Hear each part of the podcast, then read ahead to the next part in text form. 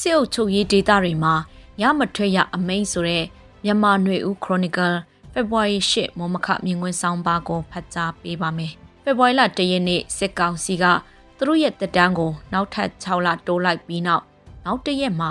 မြို့နယ်38မြို့နယ်ကိုစစ်အုပ်ချုပ်ရေးနဲ့အုပ်ချုပ်ဖို့လွှဲအပ်လိုက်တဲ့အမိန့်ကိုတက်တန်းတိုးစစ်ကောင်စီကထုတ်ပြန်လိုက်ပါတယ်။38မြို့နယ်ကိုစစ်အုပ်ချုပ်ရေးတုတ်ပြန်တဲ့အပေါ်အမြင့်အမျိုးမျိုးနဲ့ဝေဖန်ကြ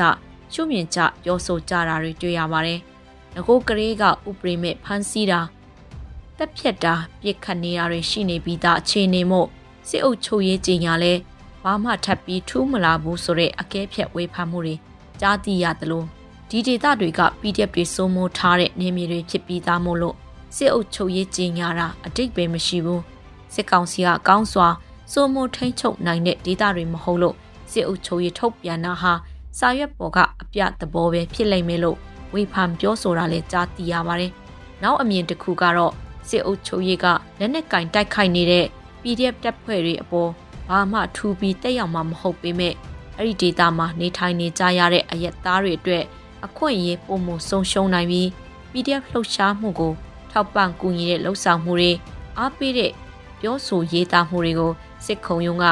မတန်တဆပုံမှားတွေနဲ့ဆွဲဆိုပြီး အမြင့်ဆုံးပြစ်ဒဏ်ချမှတ်ခံရနိုင်တာကြောင့်အယက်သားပြည်သူလူထုအနေနဲ့ပိုတရိထားက PDF တွေကိုထောက်ခံအားပေးမှုတွေရောကြလာနိုင်တဲ့အကျိုးသက်ရောက်မှုတွေရှိနိုင်တယ်လို့ရှုမြင်မှုတွေလည်းရှိနေတာဖြစ်ပါတယ်ဒီလိုရှုမြင်မှုတွေဝေဖန်အကဲဖြတ်မှုတွေကြားသိရပြီးရက်အနည်းငယ်အကြာမှာတော့စစ်ကောင်စီကအုပ်ချုပ်ရေးကြီးညာတဲ့မြို့နယ်တွေထဲပါဝင်တဲ့ချင်းပြည်နယ်စကိုင်းတိုင်းမကွေးတိုင်းနဲ့ပဲခူးတိုင်းကမြို့နယ်24ခုမှာ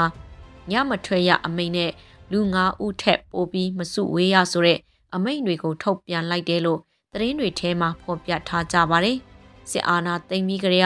ရန်ကုန်မန္တလေးအပါအဝင်မြို့ကြီးတော်များများမှာညမထွက်ရအမိန့်ကရှိနေပြီးဖြစ်ပါတယ်။မြို့ကြီးတွေမှာစတင်စင်ကည8နာရီနောက်အနည်းငယ်ကြာပြီးနောက်ည10နာရီနဲ့အခုအခါမှာည7နာရီကနေမနေ့4နာရီအတွင်းမထွက်ရအမိန့်ထုတ်ထားတာနှစ်နှစ်ပြည့်ခါနီးဖြစ်ပါတယ်။ အထူးသဖြင့်ရန်ကုန်နဲ့မန္တလေးမြို့တွေမှာစားတောက်ဆိုင်တွေလိုစီးပွားလုပ်ငန်းတွေကတောင်းဆိုတင်ပြမှုကြောင့်ည10နာရီကနေ12နာရီကိုပြောင်းလဲခဲ့တဲ့သဘောလေးဖြစ်ပါတယ်။အဲဒီကာလတွေမှာနေမြို့တွေမှာတော့ပုံမှတစ်လေးလေးလို့ခေါ်တဲ့ထွေအုပ်ကထုတ်တဲ့ဒေသန္တရအမိန့်ကရှိပြီးဖြစ်ကြပါတယ်။သို့ပေမဲ့တိတိကျကျကြက်မှတ်နိုင်တာမျိုးမဟုတ်ပဲအမိန့်ဥပဒေထုတ်ပြန်ထားပြီးအရေးယူရင်ယူလို့ရအောင်လုပ်တဲ့သဘောမျိုးလည်းတွေ့ရပါတယ်။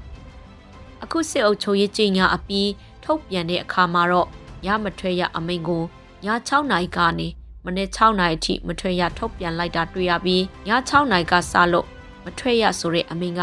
အဲ့ဒီဒေတာတွေမှာနေထိုင်တဲ့ဒေတာခံတွေအဖို့အခက်ခဲနဲ့ကြုံရမယ့်အနေအထားလေးဖြစ်ပါတယ်။ည6နိုင်နောက်ပိုင်းမထွက်ရဆိုတဲ့အမိန့်ကစိုက်ပျိုးရေးမွေးမြူရေးနဲ့ရေလုပ်ငန်းလုပ်ကင်သူတွေအတွက်လိုက်နာဖို့ခက်ခဲတဲ့အနေအထားဖြစ်ပါတယ်။ စစ်ကောင်စီတပ်တွေမစိုးမိုးနိုင်တဲ့ဒေတာတွေအဖို့ပြဿနာမဟုတ်ပေမဲ့အခါဖလမ်တိတိုင်ဒိုလိုမြို့တွေအဖို့စစ်ကောင်စီတပ်ကထိန်းချုပ်ထားတဲ့ဒေသတွေနေမီတွေဖြစ်လို့မြို့နယ်လူထုအဖို့အခက်ခဲနဲ့ကြုံတွေ့ရနိုင်ခြေရှိတဲ့သဘောလေးဖြစ်ပါတယ်။အဲဒီလိုအချိန်အတွင်းအပြင်ထွက်တာတွေ့တဲ့အခါပြစ်ခတ်ခံရနိုင်ခြေရှိနေသလိုဖမ်းဆီးခံရရင်လည်းငွေညစ်တာ